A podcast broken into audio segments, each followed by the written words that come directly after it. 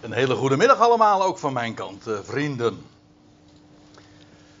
Wat goed elkaar te treffen. Sommige mensen die eh, hebben zich verscholen. Ja, in het kader waarschijnlijk van het onderwerp, hè? de complotten. Hè?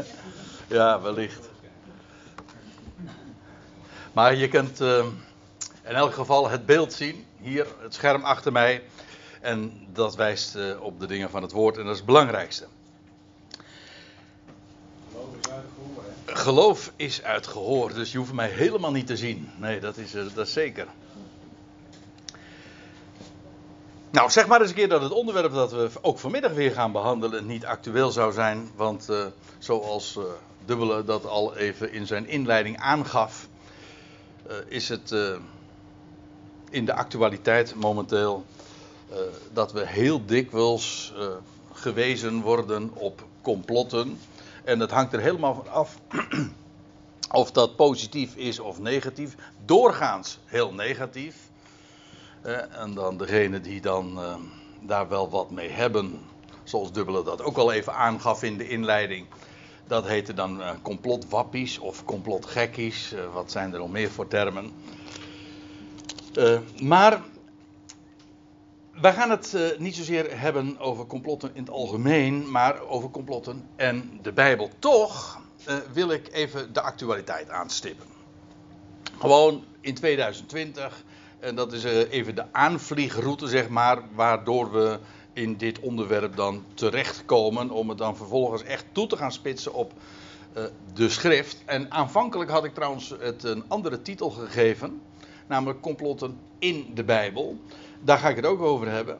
Maar het is breder, het is complotten en de Bijbel. Nou, en waarom ik het wat verbreed heb, het thema, dat zal ik uh, vanzelf uh, wel duidelijk maken.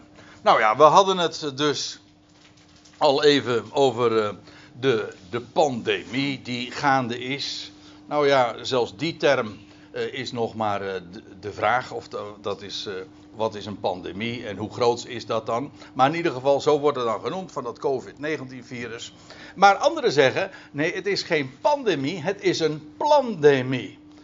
En het idee daarbij is dat er een vooropgezet plan is. En dat nu eigenlijk wereldwijd, globaal wordt uitgerold. En ja, god, er zijn er uh, heel wat. Uh, verklaringen, varianten van verklaringen. En dan eh, is de een. En dit is dus allemaal in de sfeer van complotten. Namelijk dat er een, in het geheim een, een plan is.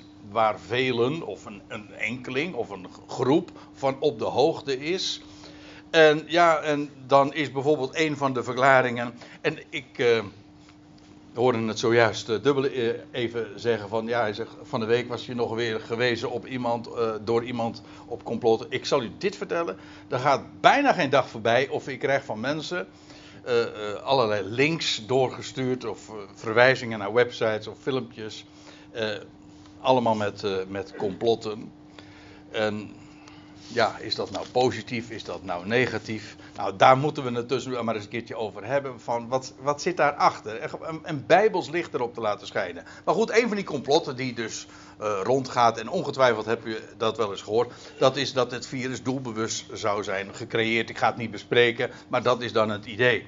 Uh, of uh, het virus is uit een laboratorium destijds, ergens vorig jaar, ontsnapt uit een laboratorium in China. Uh, en nog uh, andere verklaring is, is dat het virus uh, ja, gewoon hoe dan ook op een of andere wijze ontstaan is. Ik moet erbij zeggen, ik kreeg juist van de week nog weer een andere verklaring. En die zei van, er bestaat niet eens zo'n virus. Maar daar heb ik het dan maar even niet over. Het, virus zou worden wordt aangegrepen. Ja, waarom? Nou, om de wereld onder controle te krijgen. Dat. En dat wordt dan bijvoorbeeld ook nog in verband gebracht met het G. Nee, 5G is het, hè? Dit is 5G-netwerk, ja. Uh, u weet wel waar je, je internetverbindingen zoveel sneller uh, door gaat werken. De Internet of Things en zo. Nou ja, dat zou ook allemaal nog hiermee verband houden. De rol van Bill Gates, dat is inmiddels haast geen geheim meer, want dat wordt uh, heel dikwijls zo genoemd. En de WHO, De Wereldgezondheidsorganisatie, die wordt daar ook mee in verband gebracht. Of het idee dat het uh, virus wordt aangegrepen om een hele wereldwijd vaccinatieprogramma uit te voeren. En ja, wie zou daar nou belang bij hebben dan uh, als uh, juist vooral, zoals dat dan heet, Big Pharma. Ja, en ik zeg enzovoort, want er zijn vele kleuren en smaken en varianten van allerlei verklaringen, van complotten achter uh, wat er gaande zou zijn achter dit virus. Een complot, ik laat ik eventjes gewoon de algemene definitie dan volgen, zodat we weten waar we het over hebben. En ik heb Wikipedia er maar even op nageslagen. En die zegt van een complot of samenzwering, maar dat is hetzelfde dus. Complot, het komt uit het Frans, Latijn. Uh, maar in ieder geval, dat is een samenzwering. Uh, dat is een geheime samenwerking dat kom, dat heeft te maken ook dat met dat samen. een geheime samenwerking tussen mensen met een kwaadaardig doel. Een complottheorie, dat is een vermoeden, vandaar een theorie. Een vermoeden over het bestaan van een bepaald complot. Ja, en of dat waar is of onwaar is, dat, uh, is, dat staat er even los van. Hoewel dat natuurlijk wel erg interessant is, want daar gaat het dan vooral om. Maar in ieder geval, dit is wat een complot is en ook wat een complottheorie is. Ja, uh, er zijn er trouwens nog een heel aantal andere begrippen die daar ook nog weer mee verband houden. Dat noem je dan geen samenzwering of complot, maar er zijn wel ideeën, woorden, die eigenlijk daar heel erg aan gelieerd zijn. Kartelvorming, wat je bijvoorbeeld in, bij bedrijven hebt. En er is trouwens een politieke partij in Nederland die het ook dikwijls over kartels heeft, over het hele partijenkartel. Dat zijn geheime afspraken die er gemaakt worden in het bedrijfsleven, meestal om, uh, om een bepaalde prijs te bepalen, zodat, daar, zodat niemand daartussen kan komen. Maar dat gebeurt dus in het geheim, achter de schermen. En in de politiek heet dat dan, maar die term is al veel ouder, achterkamertjespolitiek. Dat wil zeggen, er worden gewoon akkoord, akkoorden gesloten, zo onderhand, zonder dat iemand dat weet, in een achterkamer. Niemand is erbij, niemand weet daarvan. En zo partijleiders bijvoorbeeld, die een afspraak maken van jongens, zo gaan we dit hele idee, dat concept, het voorstel er doorheen loodsen. En zo uh, is het eigenlijk al van tevoren allemaal voorgekookt. Uh, dat heet dan achterkamertjespolitiek. En feitelijk is dan, uh, wordt dan de Kamer of de eigenlijke besturen worden uh, in de praktijk buiten werking gesteld. Fraude is ook zo'n woord dat er eigenlijk ook mee te maken heeft, waarbij je dus eigenlijk ook in het geniep, want dat is altijd wat fraude is, in het geniep bepaalde dingen achterover drukt. Wat dacht u van steekpenningen? Of, uh, ja, nou ja, steekpenningen, ja, inderdaad, geld betaald krijgen ook allemaal, eh, het, het, belang daarvan is altijd dat het in het geheim gebeurt. En als het eenmaal aan het licht komt, ja, dan is het natuurlijk een groot schandaal. En in Nederland hebben we daar natuurlijk ook diverse voorbeelden van. Tot in de hoogste regionen waarin dat gebeurd is, met steekpenningen. Verduisteren, dat wil zeggen, dingen mogen eigenlijk niet aan het licht komen en worden verdonkermaand, verduisterd. Het, uh, uh, en chantage, wat dacht u daarvan? Wat dat, uh, dat zijn allemaal woorden die te maken hebben, linksom, rechtsom, direct, indirect, met complotten. Want ja, als je iets natuurlijk uh, in het geheim wil houden. En dan moet dat uh, ook uh, doorheen gedrukt worden. Maar dat is, dan is het heel belangrijk dat mensen ook inderdaad ertoe gedwongen worden. En dan is chantage vaak een middel om inderdaad een ander het zwijgen op te leggen. Zodat hij niet uit de school kan klappen. Of hoe heet dat ook alweer? hoe noemen ze dat ook alweer? iemand die uit de school klapt. een? Ja, nee, ik, het is zo'n zo mooie term voor uh, wat die Assange bijvoorbeeld gedaan heeft. Die heeft een. Uh, ik kom even niet op het woord. Hè? Een klokkenluider, dat is wat het is, ja. Een klokkenluider, ja. zijn, dat zijn klokkenluiders. Dat zijn mensen die echt inderdaad de moed hebben. Die in het systeem zitten. Eigenlijk uh, die geacht worden hun mond te houden. Maar die dan toch de moed hebben. Of dat kan trouwens ook weer te maken hebben met geld. Uh, dat ze er iets aan kunnen verdienen. Om iets in de openbaarheid te brengen. Of dan breng je bijvoorbeeld. Om iets anders uit de actualiteit te noemen. Dan breng je foto's uh, van, een, van een privé-aangelegenheid naar buiten. En daar kun je heel veel geld mee verdienen. En als je dan één foto of twee foto's. dan zeggen we nee, maar ik heb er nog meer hoor. Komt dat hier ook voor dan? Hè? Komt dat hier ook voor? Ja, grap, grap genoeg wel. Ja, ja, ja, het is geen grappie. Nee, zeker niet. Maar uh, kijk, en nou ja, je, je, je, voelt wel aan, dat zijn allemaal begrippen. En feitelijk, eh, je weet gewoon, want ja, nu heb ik het dan even over iets wat dit jaar dan heel erg speelt. Maar laten we wel wezen, als we even teruggaan, eh, in ons, alleen al in onze nationale politiek. Ja, dan, dan, dan zie je dat uh, dit soort dingen eigenlijk uh, schering en inslag zijn. Goed. ja, moet ik dit ook nog eventjes doen? Ja, doe ik toch nog eventjes. om, dan weten we in ieder geval waar we het over hebben. Als we het hebben over complottheorieën. Zonder daar overigens, daar wil ik even nadrukkelijk bij, over zeggen, bij zeggen. Um, ik heb over bepaalde ideeën, complottheorieën echt wel een, een, een, theorie. Of een, ja, een, idee of een bepaalde opinie. Maar da, daar gaat het niet om. Het gaat erom dat uh, zijn theorieën, uh, die uh, complottheorieën, over recente, tussen aanhalingstekens, want ja, wat is nog recent? gebeurtenissen. Is dit recent? Ik was toen nog maar twee jaar oud. Dus inmiddels is dat ook al 57 jaar geleden dat dit plaatsvond. De moord op John F. Kennedy. Tot op de dag van vandaag doen daar heel veel theorieën over de ronde. Wat daar toen eigenlijk gebeurd zou zijn. En dat het eigenlijk ook iets eh, is geweest waar de CIA bij betrokken is geweest. Nou ja, wie dan ook. Maar in ieder geval eigenlijk de, uh, het mainstream verhaal van hoe dat dan gebeurd zou zijn. Uh, dat wordt dan sterk betwijfeld. Wat dacht u trouwens, dat is weer een jaar of wat later. De maanlandingen. Is dat, uh, is dat allemaal echt wel gebeurd? Dat geldt trouwens voor al die NASA-projecten. en dat, of is dit gewoon in de tv-studio opgenomen? En bijvoorbeeld die wapperende vlag, hoe kan dat dan? Of is het geen wapperende vlag? Nou ja, dat soort vragen dan. En ik heb de indruk, maar dat zeg ik zomaar even tussendoor, dat uh, mensen in Amerika daar wat gevoeliger voor zijn. Of dat nou een kwaliteit is of juist niet. Uh, voor dit soort gedachtegangen en complotten dan mensen in Europa die toch wat nuchterder zijn. Denk ik. Of wat conservatiever, zo u wilt. Maar in ieder geval in Amerika hebben ze daar toch wat meer feeling mee. Wat dacht u van dit? Dit is trouwens heel Nederlands, hè, want de Bilderberg-conferenties. U denkt van, hé, hey, maar dat zijn, is dat, zijn dat, de conferenties die goed bericht ook zo af en toe belegd? Nee, dat is, want dit, was, dit is het Bilderberg in als ik me niet vergis, Oosterwijk. Oosterwijk. Wat is het?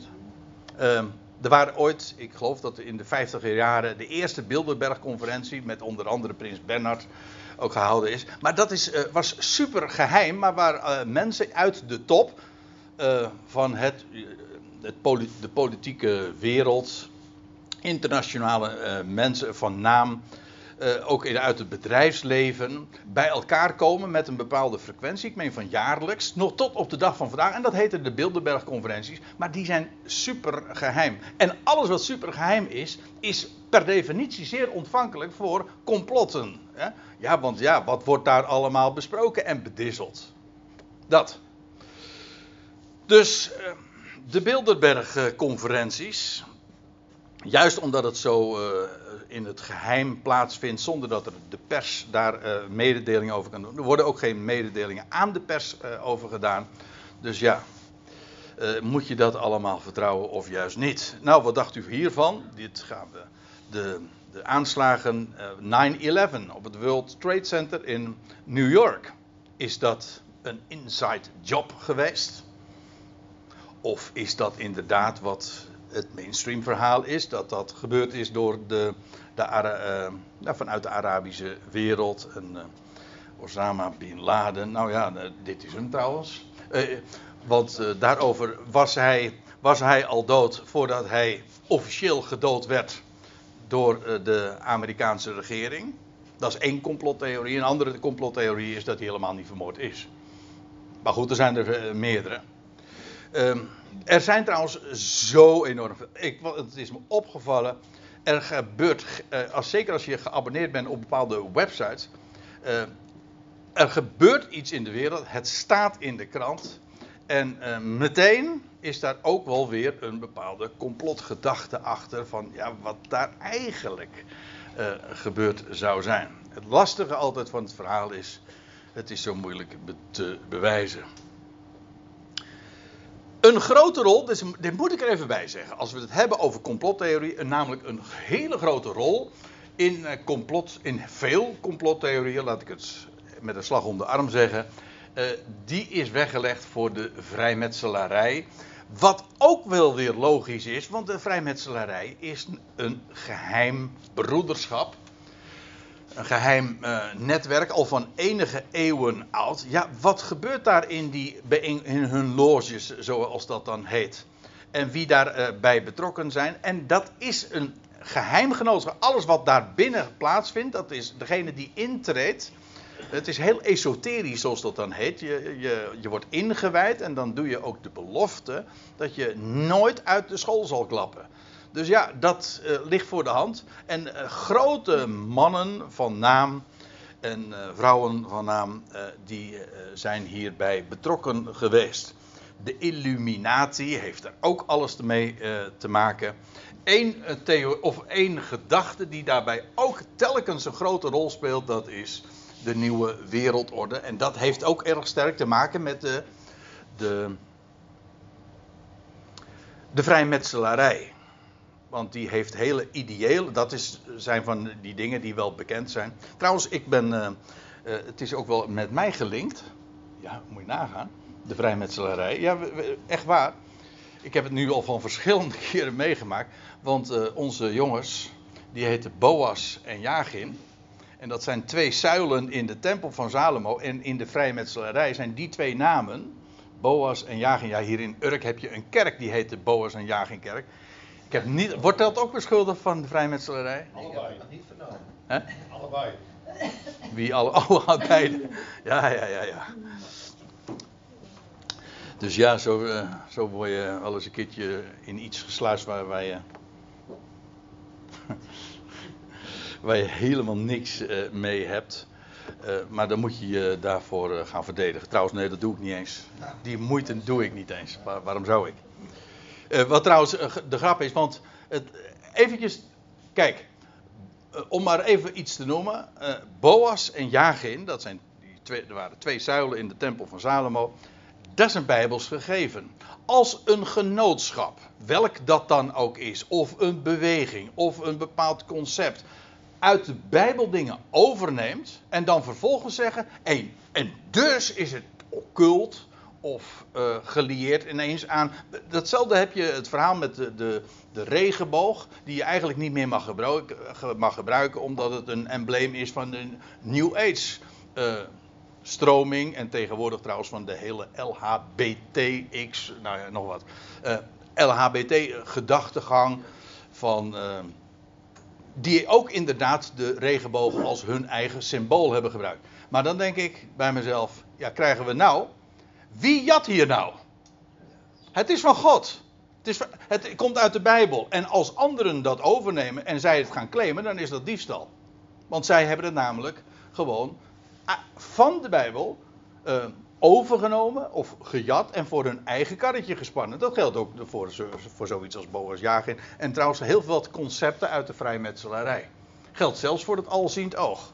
Want het hele idee van een alziend oog, ja, tegenwoordig is dat een occult of eh, duister eh, embleem geworden. Maar laten we wel wezen, ik ken een oog van iemand die wiens ogen de aarde doorlopen, zegt de schrift, en voor wiens aangezicht niets verborgen is.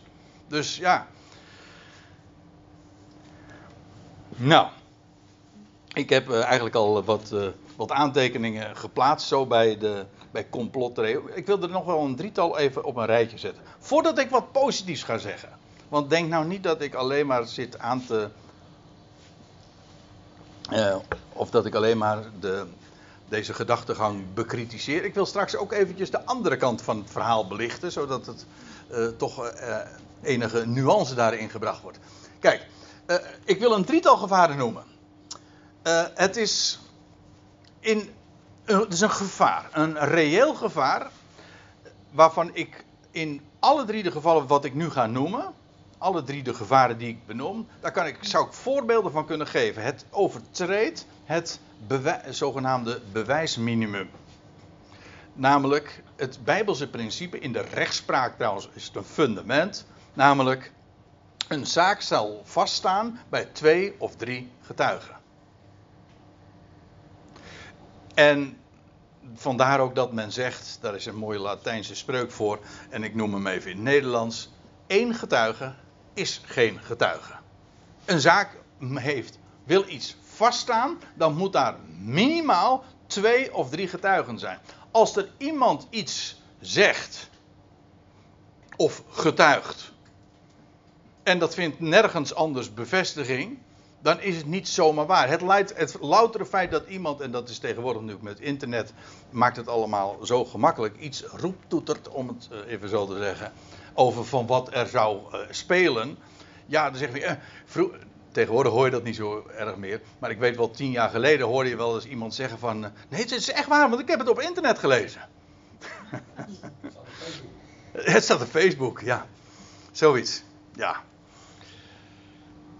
Uh, en trouwens, iemand die iets beweert is trouwens nog niet uh, een getuige. Een getuige, dat is iemand die. Uh, niet iemand die iets beweert, maar een getuige in de rechtspraak is iemand die iets claimt te hebben gezien en gehoord. Bijvoorbeeld een getuige bij een ongeluk is iemand uh, die dat ongeluk zelf met eigen ogen en in aanwezigheid heeft ja, gezien en waargenomen. Maar een bewijsminimum, uh, namelijk er minimaal twee of drie getuigen uh, zijn nodig, wil iets vaststaan. Uh, het vermoeden trouwens van een complot, dat wil ik ook erbij zeggen, is wat anders dan een bewezen complot. Nou, die hoef ik eigenlijk nauwelijks toe te lichten. Het loutere feit dat iemand zomaar iets zegt, uh, ja, dat zegt niks. Hè? De gouden een andere gouden regel in de rechtspraak is namelijk altijd: iemand is onschuldig. Dat is het uitgangspunt. Iemand is onschuldig. Totdat het tegendeel gebleken is. Het is niet omgekeerd van iemand is schuldig. Jij bent beschuldigd door iemand en dus ben je eigenlijk schuldig. En nou moet jij je onschuld bewijzen. Nee, in de rechtspraak is het omgekeerd. Je bent onschuldig totdat bewezen is dat je wel schuldig bent. Men gaat, de, het, de onschuld is het uitgangspunt. Het loutere feit dat iemand in een blad, uh, dat heet dan in feite roddelsjournalistiek, uh, iets beweert, ja, en? Maar heb je daarmee iets bewezen? Of uh, uit, dan krijg je van die, van die omtrekkende bewegingen van uit doorgaans hoe zeg? Uit doorgaans wel ingelichte kringen is vernomen dat. Dat is zo vaag als maar kan natuurlijk. En dan en vervolgens kun je gewoon de beschuldiging uiten. En je hoeft dat dan verder ook helemaal niet te bewijzen. Maar wat krijg je dan? Uh, dat is het fenomeen. Waar rook is, daar is vuur. Daar zal wel wat aan de hand zijn. En uh, voor je het weet kan iemand al eigenlijk al opgehangen zijn aan, aan bepaalde beschuldigingen. Terwijl het helemaal nog niet bewezen is. Wat er trouwens, en dat is het gevaar nummer drie, uh, van, uh, van complottheorieën. En dat is een ziekelijke argwaan. En ook hier ken ik helaas voorbeelden van. Van mensen die echt overal spoken zien en ook dus altijd bang en onrustig zijn. Ze durven feitelijk geen stap meer te zetten. En in de supermarkt, elk product zal wel, is eigenlijk op voorhand al verdacht. En ze leven in feitelijk uh, in een voortdurende staat van paniek. En dat zijn uh, in mijn uh, ervaring zijn dat dikwijls mensen die, ja, je hebt daar een bepaalde gevoeligheid voor, misschien qua persoonlijkheid, maar ook doordat je je altijd maar laat ja, bombarderen door mensen die, of door websites, door boeken die uh, van alles beweren zonder iets bewezen te hebben, maar uh, die overal uh, ja, spoken zien. Ja. Nou, dat wil ik dat wil ik ook even genoemd hebben. Een, echt, dit zijn, deze stuk voor stuk, dit zijn hele reële gevaren. Gevaren voor, eh, van complottheorieën. Nou ga ik eventjes de andere kant van het verhaal vertellen. Want dat moet ik namelijk ook bij zeggen. Eh, de bijbelse logica achter complotten. Ik zeg niet complottheorieën, maar de bijbelse logica achter complotten. En daar wil ik een paar dingen van noemen. In de eerste was deze. De, we wij weten vanuit de schrift dat de vader van de leugen, dat is een term die de Heer Jezus gebruikt in Johannes 8. En dan heeft hij het over de diabolos, de, ons, de duivel, degene die de dingen door elkaar gooit. Eh, hij heet de vader der leugen.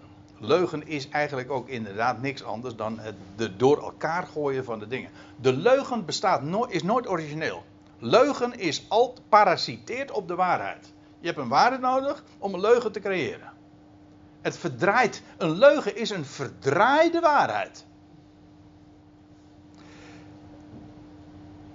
En die vader der leugen, hij heet elders, zo wordt hij genoemd door Paulus in 2 Korinthe 4, de God van deze Aion. Van deze Aion. En deze Aion, die, dat ga ik nu niet eh, toelichten, dat is een eh, verhaal apart. Maar de Aion van deze wereld, die is begonnen in de dagen van de zondvloed, na de zondvloed. En die duurt voort, nou ja, nog enkele jaren zal ik maar zeggen. En dan hebben we, eh, dan is deze Aion ten einde. Hè, dat is de, het einde, de voleinding van de Aion. En dus die Aion duurt enkele millennia, deze Aion. En deze Aion, en dubbele, en dat is geen afspraak geweest, geen complot. Nee, nee. Hij heeft het al voorgelezen uit Galaten 1. eh, dat die, deze Aion heet de tegenwoordige, boosaardige Aion. Niet, ja, de, je las voor wereld, maar er staat gewoon dus Aion.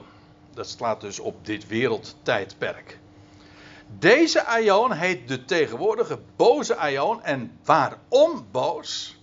Nou, om meerdere redenen. Maar de eerste reden is dat inderdaad eh, de leugen regeert. Ja.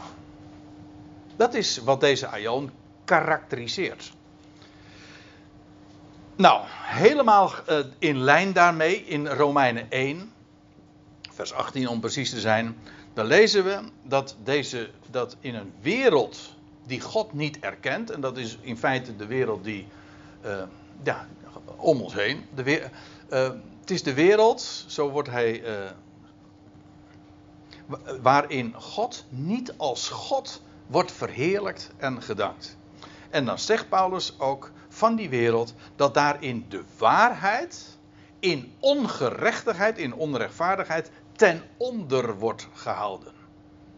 Ik moet er altijd bij, dat, bij deze formulering moet ik denken aan het beeld van een, iets wat je onder water probeert te houden. Een bal bijvoorbeeld, probeer een bal onder water te houden. Dat kun je doen, maar daar heb je wat voor nodig, want die bal heeft de natuurlijke neiging, laat je hem los, om aan het licht, aan de oppervlakte te komen. Dat is met waarheid ook zo. De waarheid heeft de natuurlijke neiging om aan het licht te komen.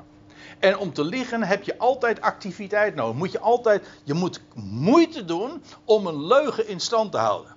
En om die leugens in stand te houden heb je weer andere leugens nodig. En je hebt om die andere leugens in stand te houden weer andere leugens nodig. Dus, de, de leugen is ook heel generatief. Dat wil zeggen, eh, ze jonkt, zal ik maar zeggen. Ja. Want ja, zo, zo werkt het. En de waarheid in ongerechtigheid en onderhouden, ja, dat is wat deze wereld, deze boze Aion kenmerkt. De informatievoorziening. Dat wat er verteld wordt, wat je wijs gemaakt wordt. Religieus, maar ook in de maatschappij. En de feiten, die worden verdraaid. En de waarheid wordt ook moeite voor gedaan om die, eh, zodat die niet eh, aan publiek bekend gemaakt wordt. Ook daar heb ik trouwens, eh, nou, de afgelopen, het afgelopen jaar, volgens mij hadden we het de vorige keer nog eventjes daarover, meerdere, toch wel heel frappante voorbeelden van meegemaakt, hoe dat inderdaad werkt. Hoe, de, hoe men alles in het werk stelt, eh, omdat bepaalde feiten maar niet verteld worden. En vaak is dat ook Of, ja, ik, ik was het eigenlijk in de godsdienstige zetting al. eh, ik kende dat fenomeen al. De dingen die zo duidelijk zijn. Ik bedoel, de dingen die eh, eh, karakteristiek zijn voor het evangelie, het goede bericht. Eh, we hadden het net over het woordje aion. Zulke waarheden. Wat een aion is, dat is zo helder, zo duidelijk, zo, ja, voor iedereen die zich daarmee bezighoudt, die ontdekt hoe het zit. Maar vertel het maar eens een keertje. En er wordt zoveel moeite, ook in de godsdienstige wereld. Ik zou haar zeggen, breek me de bek niet open. Want eh, zoveel moeite gedaan om dat ten onder te houden. Want ja, waarom? Eh, ja, omdat gewoon het, op het moment dat dat aan het licht komt, ja, dan zakt het hele dogmatische bolwerk als een kaartenhuis in elkaar. Dus er zijn zulke belangen in het spel om die leugen in stand te houden. En ja, dat is eh, een, een heel tragisch fenomeen. Maar de, en, en dus wordt de waarheid bestreden. En als het niet lukt, dan wordt de waarheid belachelijk gemaakt. Zo gaat het ook heel vaak. En dan bijvoorbeeld als je dan iets zegt van nou, ik vertrouw het niet alles wat er eh, aan informatie verteld wordt. Dan ben je meteen zo'n zo'n wappie waar ik het net over had. Even gek hier. Weet je, dan wordt, gewoon, word je geridiculiseerd. Wordt het gewoon belachelijk gemaakt.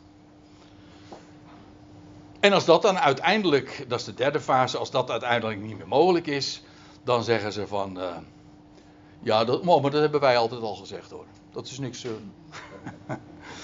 ja.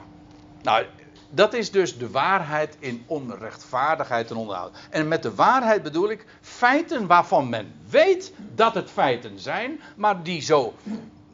Er is een film, hè, de, dat eh, ook uit Amerika, de Unconvenient Truth. De waarheid die zo ongemakkelijk is. En die willen we niet horen. En wat doen we dan? Degene die dat wel willen vertellen, nou, die maken we, die maken we een kopje kleiner. En dat hoeft nog niet eens letterlijk te zijn. Het kan ook gewoon, je legt hem op een of andere manier het zwijgen op. En dan heb je hem monddood gemaakt. Maar dat is ook een vorm van moord. Namelijk dat hij zijn mond gewoon niet meer open kan doen. Of dat hij gewoon buiten gezet is. Dat is ook heel effectief. Dan, kom je, dan ben je buiten het systeem geplaatst. En dan, uh, ach, dan ben je ook in feite ongevaarlijk geworden.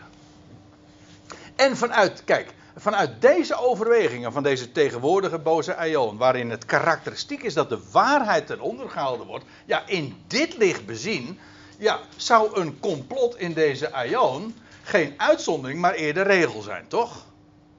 Dat er alle stelselmatig leugens verteld worden en de waarheid onderdrukt wordt. Als dat karakteristiek is voor deze Aion, dan is het logisch dat er complotten zijn. Ja, de. Dat is, dat is geen uitzondering. Dat is normaal. Tussen aanhalingstekens. Dat is trouwens ook al een lastig begrip, normaal in deze, in deze, dit jaar geworden. Hè? Welk normaal? En. En kijk, en, maar nu komen we uiteindelijk waar we ook wezen moeten. We worden dus vanuit dit oogpunt geacht zeer een zeer kritische instelling te hebben ten opzichte van alles wat ons wordt verteld. En de, het nieuws wat je wordt verteld, uh, altijd, ik bedoel niet, niet die argwaan waar ik het zojuist over had, maar wel, uh, wat zijn de feiten? Kritisch. Uh, hoe, hoe, spreekt de Bijbel erover? Ik heb een heel aantal schriftplaatsen, maar ik had de lijst aanzienlijk langer kunnen maken. Daar wordt gesproken: wees waakzaam. Wees wakker. Hou je ogen open. De hele wereld slaapt. En weet je wat het ook is? Als je in een stroom meegenomen wordt, heb je dat helemaal niet eens in de gaten. Want je beweegt. Want als jij beweegt, dat zie je niet, omdat iedereen namelijk meebeweegt. Als je nu nog net zo normaal bent als een jaar geleden, val je op. Toch? Want we hebben nu een heel nieuw. Maar goed, je, je, waarom val je op? Omdat iedereen veranderd is. Kijk, en dat is, de, dat is die stroom waarin je meegenomen wordt en ongemerkt. En dus moet je moeite doen, dat is het uh, verhaal, je moet moeite doen om, om niet, om gewoon staande te blijven. Dus terwijl je dus in je positie exact gelijk blijft, dat kost heel veel moeite, omdat daar de stroom tegen is. Ja, en een kritische instelling. En eigenlijk is dat, ik, uh, dat wat ik ook wil zeggen ten opzichte van het algemene mainstream nieuws. Maar ook, net zo goed, al die complot websites en nieuwsvoorziening. Of wat daarvoor doorgaat. Fake news. Wat is fake news? Probeer daar maar eens achter te komen. Dat hangt namelijk helemaal vanaf van welke, uh, vanuit uh, welke hoek je het nieuws volgt. En dat komt erop neer, het wordt ook steeds lastig. En we hebben het bij een andere gelegenheid al eens een keer daarover gehad. Hoe moeilijk het is, en zeker nou in de, de jaren die nu nog voor ons liggen. Om, om, om kritisch te zijn en, en ja, om waarheid van leugen te onderscheiden. Het wordt steeds moeilijker. Gisteravond, uh, Dirk kan het bevestigen, gistermiddag hadden we nog, of als familie hadden we een samen zijn. Meer dan zes personen overigens uh, in huis. Maar uh, toen hadden we, toen riep mijn vader even het woordje deepfake. Kent u die term? hoe, hoe men tegenwoordig de technologie in staat is om, om, om iemand iets te laten zeggen en zelfs uh, niet alleen maar audio, maar ook in video. Uh, dan zie je dus een, iemand iets, iets beweren terwijl hij het nooit gezegd heeft. Je zou het zweren dat het echt zo echt is. Maar die technieken die, die worden steeds beter. En dan zie je iemand een, een, oreren. Terwijl hij terwijl die, dat nooit heeft gezegd. En je, en uh, tenzij je misschien daar heel erg op inzoomt, kun je het niet van echt onderscheiden. Dus het wordt zo moeilijk. Zo moeilijk. En, maar dat betekent dat aangezien het steeds moeilijker wordt om echt van onecht te onderscheiden, betekent dus dat de noodzaak van waakzaam en wakker en nuchter en alert te zijn steeds belangrijker wordt. En je niet, niet zomaar te geloven wat je wordt uh, ja, verteld of wat je wordt wijs gemaakt, een leuke term. Het wordt je wijs gemaakt. En u zegt, geldt dat dan niet voor de dingen die jij zegt? Ja, oh, zeker. Zeker. Dat geldt in het algemeen. Die kritische instelling, ja, dat zeg je wel wel. Maar sta, waar staat dat? Wat zijn de bewijzen? Wat zijn de bonnetjes? Nou, die instelling is zo gezond ten opzichte van wat algemeen verteld wordt en ten opzichte van wat in complotten en, dat soort theorieën verteld wordt. In alle gevallen, wees kritisch. Nou, nou kom ik op nog een uh, interessant punt.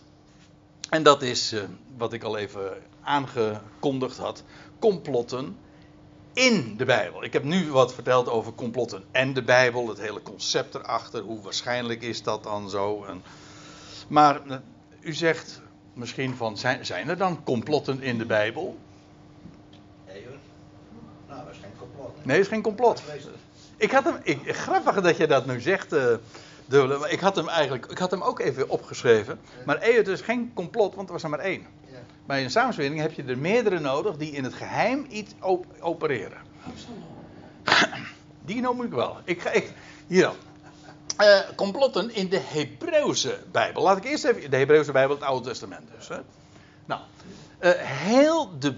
Nou, dat is, dat is meteen flink aangezet. Maar heel de Bijbelse geschiedenis van eigenlijk vanaf de Hof van Eden. Was dat een complot trouwens? Nou, dat was in ieder geval de vader der leugen al aan het verdraaien. Nou, hij was, uh, hij was ook in zijn uppie bezig, zal ik maar zeggen. Dus uh, in de strikte zin van het woord voldoet dat niet aan een, aan een samenzwering. Maar niettemin, sinds die tijd toont de hele Bijbelse geschiedenis een onafzienbare opeenvolging van complotten. En ik moet zeggen, ik heb geen. Uh, ik heb uh, geen moeite gedaan om nou eens heel de Bijbel te gaan spelen. Want het, het wemelt ervan. Maar ik, ik wil wel een, een, paar voorbeelden geven om u een idee te geven hoe dat ook in de Bijbel een rol speelt. Wat dacht u hiervan? Van Rebecca en Jacob. Dat was een complot, hè? In het geheim, terwijl Isaac en Esau daar niet van op de hoogte waren, werd daar zo een plan uitgerold, zeg maar. Eh, er was een complot. Wat dacht u een generatie later? De broers tegen Jozef. Dat is in Genesis 37. En dan, dan, lees je trouwens ook dat zij samenspanden. En toen kwam, toen kwam meester Dromer eraan. En toen, dan lees je dat ze samenspannen. En dan wat zullen we doen? Nou, en, hebben ze dat, uh, en toen hebben ze vervolgens. Want ja, uh, hebben ze, dat, was, dat was eigenlijk al een, een leugen wat ze naar uh, Jozef. Maar vervolgens moest dat, de leugen in stand gehouden worden. En moest, moest het verkocht worden aan Jacob. En toen hebben ze zijn veelkleurige rok hebben ze maar in bloed gedoopt. Uh, ja, om dan vervolgens dat geloofwaardig te maken dat hij inderdaad vermoord is. Ja, probeer dat maar eens een keer overeind te houden. En uiteindelijk, dat, vind, dat, ik weet dat vind ik wel mooi. de leugen, die kan verschrikkelijk geniepig zijn. En, dat is het grote voordeel van de leugen. ze werkt ook verschrikkelijk snel dat is ook spreekwoordelijk, de leugen, al gaat de leugen nog zo snel, en, maar dat is wat ik wou zeggen, dat is de troost. De waarheid is altijd sterker. Uiteindelijk komt de waarheid altijd aan het licht. Nou, dat lijkt me toch een vinkse troost. Als we het hebben over complotten en over leugens. Uh, dan gaan we een Bijbelboek verder. Uh, de bende leuk woord. De bende van uh, Korach, ik bedoel, uh, zijn kornuiten, de. Kor, Datan, Abiram, die een complot hadden gesmeed. Ook een samenzwering was. Of het echt zo genoemd wordt. Er is een Bijbels woord voor samenzwering, in het, het Hebreeuws ook. Ik kom er straks nog even op terug. Maar in ieder geval, die Mozes moesten. zij wilden Mozes gaan vervangen, Mozes en Aaron. En en toen hebben zij uh, een complot ook inderdaad gesmeed. Kijk, de, de typologie uh, achter dit alles, dat laat ik helemaal nu rusten. Dat, dat is nu ook helemaal niet aan de orde. Het feit dat Jozef een type is van Christus, trouwens Mozes ook. En het beloofde zaad van Abraham sowieso. Dat, dat is waar, maar daar, daar gaat het nu even niet om. En nou ja, dan hebben we nog iets.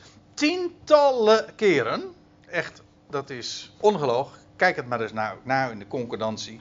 In de boeken van Samuel, koningen, kronieken, is sprake van samenzwering. Daar is een Hebreeuws woord voor. Dat is kesher. Dat is, dus de, dit strongwoord. Strongnummer, die code kun je het ondervinden. En uh, nou, in die, al die geschiedenis speelt dat zo dikwijls. En Henk gaf zojuist al het voorbeeld van Absalom. Uh, die tegen David, weet je wel, met, hoe was dat? Met Achitovel. Het uh, samenspande tegen David, zoon tegen vader. Het was ook een complot, zo wordt het ook genoemd in 2 Samuel 15. Wat dacht u van Isabel? Die ook, dan wordt het ook zo genoemd. Isabel, die ook een aantal oversten van de stad bij elkaar brengt om Nabot de, en, te onteigenen. En dat was ook deze dame Fakes. ja, fake en fakes. Uh, dat was zij ook, ja. Uh, trouwens, zij had een dochter, die Izebel, die heette Atalia. En die heeft een schrikbewind gevoerd in, in Juda. Dat was niet in het noordelijke stammenrijk, maar in het verzuidelijke. En toen was daar. en toen heeft, dat is, dit is ik weet niet of ik dit helemaal een correct voorbeeld is, want dit is positief. Dan lees je namelijk dat hoge priester Jojada met zijn vrouw Josebat dat kleine ventje in de tempel, ze van zeven jaar, Joas, uh, naar buiten brengt. In feite was het een samenzwering. Maar uh, niet, uh, dat is juist voor een goed doel. Waarin uit de verborgenheid een schitterende typologie. Ik ga er niks over vertellen, maar ik wil er wel graag op wijzen dat die Jojada, de, of nee, die Joas, de, dat was de enige overgebleven uit het huis van David. Die wordt daar verborgen in de tempel. En na zeven jaar komt hij in de openbaarheid en wordt hij koning. Nou, ik zou zeggen, hè? kleur het plaatje zelf in. Ja, dus het ligt zo voor het oprapen. Een geweldige geschiedenis. Maar feitelijk dus uh, stek genomen een complot. En dan heb ik er nog eentje. Die wil ik even, die wil ik noemen, eh, niet ongenoemd laten. Uh, Jezaja 8, vers 12. Ik noem hem er zo even bij, omdat hij eigenlijk een soort van, dus als een, een uitsmijter wil ik hem noemen, als laatste vermelding van, de, uh, van een complot in de Hebreeuwse Bijbel. En dan zegt Jezaja dit, vers 12. Jullie, en dat zegt hij dan bij monden van Jezaja, jullie zullen niet alles samenzwering noemen, kesher, dat woord, wat dit volk samenzwering noemt. Haha, dit volk noemt dus dingen samenzwering en zegt, ga daar nou niet in mee. Ook hier weer, uh, wees daar kritisch op. Niet alle samenzwering noemen wat samenzwering genoemd wordt. Wat men zegt. En hun vrees. Ze, uh, nee, dat is niet goed uh, weergegeven. Wat dit voor. Jullie, jullie zullen niet alle samenzwering noemen wat dit volk samenzwering noemt. En hun vrees zullen niet. Hé, hey, dat is geen goed Nederlands. En ik kan het zo wel zeggen. En, en hun vrees zullen jullie niet. Oh, zullen jullie. Dat moet er nog tussen. Ja, zullen jullie niet vrezen, nog verschrikken. Ja, hier moet nog het woordje jullie tussen. Ga ik thuis nog even regelen. Maar.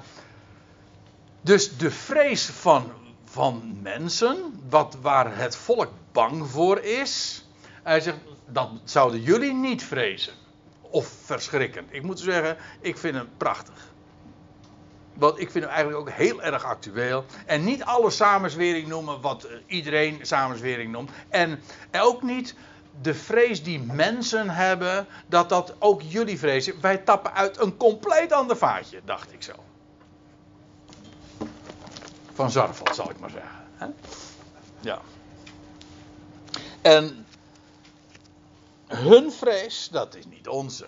Nee, kom nou zeg. God heeft ons niet gegeven een geest van vreesachtigheid, maar van kracht, van en moed. Nou, dan gaan we nog eventjes verder. Uh, want dit waren dan de complotten, of nou de complotten, dit waren enkele complotten. Ik heb er zo een paar genoemd die in, de, in het Oude Testament tussen aanhalingstekens genoemd worden. En nu een paar complotten in het Nieuwe Testament. Wat dacht u daarvan? Ik begin even met complotten in het leven van Jezus. Waar moeten we dan beginnen? Welke zou, u als eerste noemen? Nee, eerder al. Het begint eigenlijk al bij, uh, bij Jezus' geboorte of vlak na zijn geboorte. Namelijk bij de kindermoord van Herodes in Bethlehem. Dat was ook een complot. In het geheim wordt daar een afspraak gemaakt, zodanig dat, uh, nou, dat was uiteindelijk de uitwerking daarvan.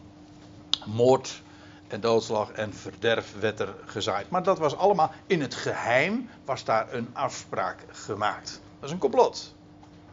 Nou ja, uh, tijdens uh, Jezus' omwandeling, en ik bedoel vooral ook zijn openbare optreden, uh, spelen er meerdere keren ook complotten. Dat wil zeggen dan met name vanuit de religieuze leiding. Maar ik, we kijken dan vooral toch aan de wijze hoe hij uh, omgebracht is. Want je leest in Johannes 11 al over uh, dat in het Sanhedrin, in de Joodse raad, allerlei beraadslagingen gedaan werden om Jezus om te brengen.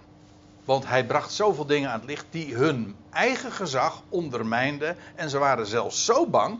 Dat lees je hier in Johannes 11. Heel frappant. Je, moet je zou het echt eens na moeten kijken. Maar je leest ook dat ze zo bang zijn. dat als ze Jezus door zouden laten gaan, dat het volk achter hem aan zou gaan. En dat zou fataal zijn, want dan lees je, dan zullen de Romeinen uiteindelijk komen en die gaan de stad dan verwoesten.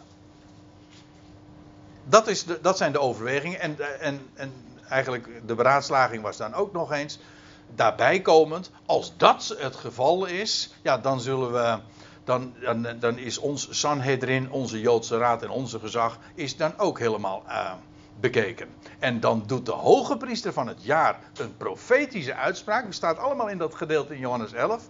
Hij zegt: Het is beter dat één mens sterft voor heel het volk dan dat heel het volk omkomt. En dat, dat wordt dan gezegd juist uh, als, uh, met opzet om Jezus om te brengen. Maar in werkelijkheid was het een profetie dat het inderdaad waar is. Het was beter dat die ene zou sterven. Dat is een, maar dat is een goddelijke waarheid. Op een, op een veel hoger niveau. Je leest trouwens ook nog dat in het Sanhedrin het uh, voornemen wordt besproken. Niet uitgevoerd, maar besproken om Lazarus ook te doden. Die Jezus uh, kort tevoren had opgewekt. Nou ja, we kennen allemaal de steekpenningen die Jezus, aan Judas werden gegeven om Jezus over te leveren. En later, was, was, dit, dit was trouwens ook complot, want uiteraard achter de schermen gebeurde dit. Judas deed het achter de schermen en in de Joodse Raad is over achterkamertjes politiek gesproken. En dan lees je later, natuurlijk, uh, nou we weten hoe het met Judas is afgelopen. Uh, Judas had de overweging om Jezus aan te zetten om zich als Messias bekend te maken. En door, uh, door Jezus over te leveren, dacht hij dat hij Jezus in, in, dat, in die.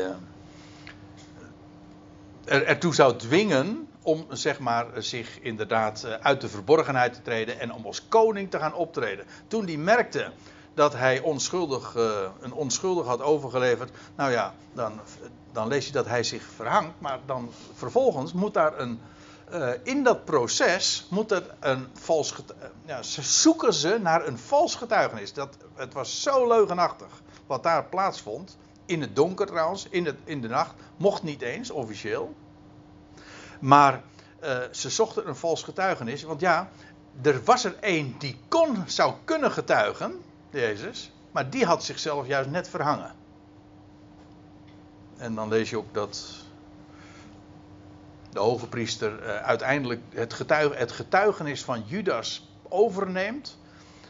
En, uh, en, dan, bij, en Jezus ook toedwingt om te antwoorden. Wat ik nu zeg is erg, realiseer ik me, klinkt wat cryptisch. Maar ik bedoel dit te zeggen. Judas had ooit van, Je van Jezus vernomen dat hij had gezegd, eh, dat er tegen hem was gezegd, gij zijt de Christus, de Zoon van de levende God. En toen zei de heer Jezus, mondje dicht. Niet zeggen. Niet bekendmaken dat ik de Christus ben en de Zoon van de levende God. Dat komt straks wel. Wat heeft Judas gedaan? Die heeft uit de school geklapt en heeft dat aan de Joodse Raad gezegd. Bekendgemaakt. Die had als getuige dus kunnen optreden. Wat die hoge priester dan vervolgens doet, uh, is uh, te zeggen van, klopt het dat jij hebt gezegd dat je de Christus bent, de zoon van de levende God? Dat je, hoe wist hij dat? Hoe wist de hoge priester dat? Nou, dat had hij dus gehoord van, van Judas, die was namelijk daar ooit getuige van geweest. Nou ja, dat is een verhaal apart. Ik, uh, maar dit was, dat wat er in die Joodse raad plaatsvond, was natuurlijk een, een, uh, een vals getuigenis. En, maar ook met recht een complot. En na de opstanding wordt er, lees je ook weer dat de Joodse raad. Ja, men stapelde inderdaad het ene onrecht op het andere. Maar worden er steekpenningen gegeven aan de Romeinse soldaten om een vals gerucht te verspreiden. En dan staat er in, Matthäus Evangelie bij. En dit is bekend onder de Joden tot op de dag van vandaag. Dus toen Matthäus dat optekende, en nu is het nog steeds feitelijk, wordt er nog steeds het verhaal gezegd: ja, nou, ze zullen wel Jezus lichaam wel hebben gestolen of zoiets. Dat het graf leeg was, dat was onmiskenbaar. Dat kon niet ontkend worden. Maar toen werden er dus zo onder de tafel geld gegeven uh, om dat verhaal uh, rugbaarheid te geven. Dus over complotten in het Nieuwe Testament gesproken. En heb ik er nog een paar en daarmee wil ik afsluiten. Namelijk ook nog uh, enkele complotten in het boek Handelingen. Uh, ik de eerste. Die, er zijn er, ook hier zijn er meer van, maar ik geef er twee. Uh, dat was een Joods complot in Damascus. Dat Saulus was geroepen, komt in Damascus aan. En ja, dan weten we ook uit de gelaten brief dat hij eerst nog naar Arabië is gegaan. Maar goed, hij is weer teruggekeerd naar Damascus. En dan lees je vanaf dat moment treedt hij vrijmoedig op in de synagogen. En hij bewees vanuit de schriften dat Jezus is de Christus. Nou. Dan lees je dat de synagogen daar zo klaar mee zijn. En dat ze hebben beramen, beraadslagen, complot om Saulus, want zo heet hij bij die gelegenheid nog steeds, ter orde um, om te brengen. En um, dat komt dan Saulus niet ter orde, maar ter oren. En dan lees je, ja, dat is een heel grappig verhaal, maar later refereert Paulus daar in zijn brieven nog aan dat hij in een mandje door de muur van Damascus is uh, weggelaten en zo is hij ontkomen. Maar Paulus wist alles van complotten hoor. Later in Filippi, nou, allerlei gelegenheden nog. Maar het allerbekendste complot, dat is deze. Die, die ik hier noem in Handelingen 23. Paulus is gearriveerd rond eh, de Pinkstertijd, dus het wekenfeest, in Jeruzalem. Is gevangen genomen. En er was een enorme volksoploop. En Paulus was zeer gehaat daar in, in Jeruzalem. En dan lees je dat hij in de gevangenis is in, uh, in Jeruzalem. En dat dan meer dan 40 samenzweerders, 40 Joodse mannen, een samenzwering doen. Dan wordt dit woord gebruikt. Dit, ons woord samenzwering komt eigenlijk, is exact overeenkomend met het Griekse woord want dit betekent letterlijk, inderdaad, samen zweren. Ja, het is trouwens grappig. In het, uh, dit is de kabal, kent u die? De, dat is, ja, niet kabaal. Heeft er trouwens ook mee te maken. Maar uh, kabal, dat is het, als je een concordant version hebt van het Nieuwe Testament, de Engelse concordante vertaling, dan wordt hier gesproken in Handelingen 23 over een, dat ze een kabal hadden. En uh, dat komt trouwens, weet je waar dat vandaan komt, die term? Uit uh, Kabbalah, de Kabbalah. Wat natuurlijk ook een zeer geheim uh, gebeuren was. Tegenwoordig, over samenzwering gesproken, tegenwoordig is kabal ook weer een hele. ja, een term die met name in de kringen van Trump, Donald Trump, gebruikt wordt om de deep state aan te, aan het licht, of in ieder geval de, te beschuldigen. De, de. En de QAnon, dat is ook weer, dat is daar over de, die groep achter Trump. En, maar in ieder geval, dat, dat wordt allemaal kabal genoemd. Maar het is dit woord, samenzweer. Ons woord samenzwering is dus exact overeenkomend met het Griekse woord. En men zweert inderdaad bij die gelegenheid. Men verklaart zich onder een anathema, onder een vloek, dat ze niet zouden eten en drinken voordat uh, Saulus, uh, Paulus zou zijn omgebracht. Nou, en dan leuk, dat, ja, leuk, wat is leuk. Maar ik vind het wel heel frappant. Want ja, dat gezelschap was vrij groot, meer dan 40 man. Die zich dat had voorgenomen, ze zouden Saulus ombrengen. Dan lekt dit dat zie je heel vaak. Want hoe groter, eh, dat is het grote probleem met een complot. Kijk, als maar een paar mensen dat weten, ja, dan kan je het een hele tijd natuurlijk wel die waarheid ten onder houden. Maar hoe meer mensen het weten en hoe langer de tijd verstrijkt, hoe moeilijker het wordt om die leugen uh, gestand te doen en te houden. En om, om die leugen te, ja, door te laten gaan. Het komt een keer aan het licht. Als al te veel mensen het weten, al te lang, dan, dan, lekt het hoe dan ook een keer. Nou, in dit geval, dan lees je van die 40 man dat de, een, een neefje van Paulus, een jonge man, de zoon van zijn, uh, van zijn zus, die is daar in Jeruzalem. En die komt ter oren dat die 40 mannen een, zo'n, zo'n complot hadden gesmeed om Paulus om te brengen. Nou, en dan lekt, dan lekt dat dus via dat, die jonge man uit. En dan brengen ze Paulus naar Caesarea toe. onder met enorm veel soldaten om hem te beschermen. Even voor de goede orde. Weet je, heel frappant is dit. Het zijn de Joden. Het was religie. Die Paulus wilde ombrengen. En het waren de Romeinen die Paulus beschermden, zodat hij veilig naar Caesarea zou kunnen gaan. Waar hij trouwens twee jaar heeft gezeten, gevangen.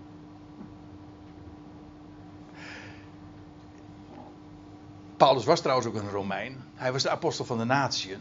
Maar het was vanuit de religie dat hij eh, dat er een aanslag op hem, uh, om, uh, op hem was beraamd. En, en het waren de Romeinen die neutraal daarin stonden, die hem in bescherming namen en hem inderdaad naar Caesarea hebben gebracht. Zodat je ziet uh, dat ook in het Nieuwe Testament samenzwering, complotten, nou ja, dat daar vele van zijn aan te wijzen. En ook eigenlijk onze bedeling, de huishouding waar wij nu in leven. En bij Paulus is het allemaal aangevangen. Ja, dat begon ook allemaal met een complot. Dus ja, hoe, hoe sta je tegenover complotten? Dat is dus de uiteindelijke vraag. Hè. Ik heb nu een uur gesproken. Nou, is, zijn complotten nou waar of zijn complotten niet waar? Nou, zo kun je het niet zeggen. Er zijn heel veel complotten die gewoon uit de dikke duim gezogen zijn. Er zijn heel veel complotten gewoon waar. Dus de Bijbel beschrijft ze niet alleen. De historie is daarmee bekend. En ja, hoe weet je dat nu? Gewoon, ja, en dat is de bottomline van wat ik nou vanmiddag al verteld heb. En dat is het belang van een kritisch denkvermogen. Denk zelf. En vooral ook bij het licht van het woord. En daarom vond ik het zo mooi, zoals dubbelen, en dat, is zoals ik wil afsluiten. Zoals dubbelen begon, en dat is, uh, ja, wat moet je met de informatie uit deze wereld? In het algemeen, hè? Of dat nou mainstream is of van een van die dark websites. In het algemeen, ja, het beste kun je gewoon maar snel de koppen. Hè, zodat je weet ongeveer wat er speelt, zodat je morgenochtend bij de koffie met je collega's weet eh, wat er allemaal zo gebeurt. Dat is eigenlijk meer dan genoeg. Want er wordt zoveel leugen verspreid. En daarop alert te zijn, dat is niet gek. Dat, dat hoort bij deze boze Aion. Maar goed, deze Aion is bijna ten einde. Dus nog eventjes standen op elkaar mensen. En uh, dus dit komt uh, allemaal, de waarheid gaat aan het licht komen. Nou, ik wilde het uh, voor vandaag daar maar bij laten. Zo als een idee, om een idee te geven van complotten en de Bijbel.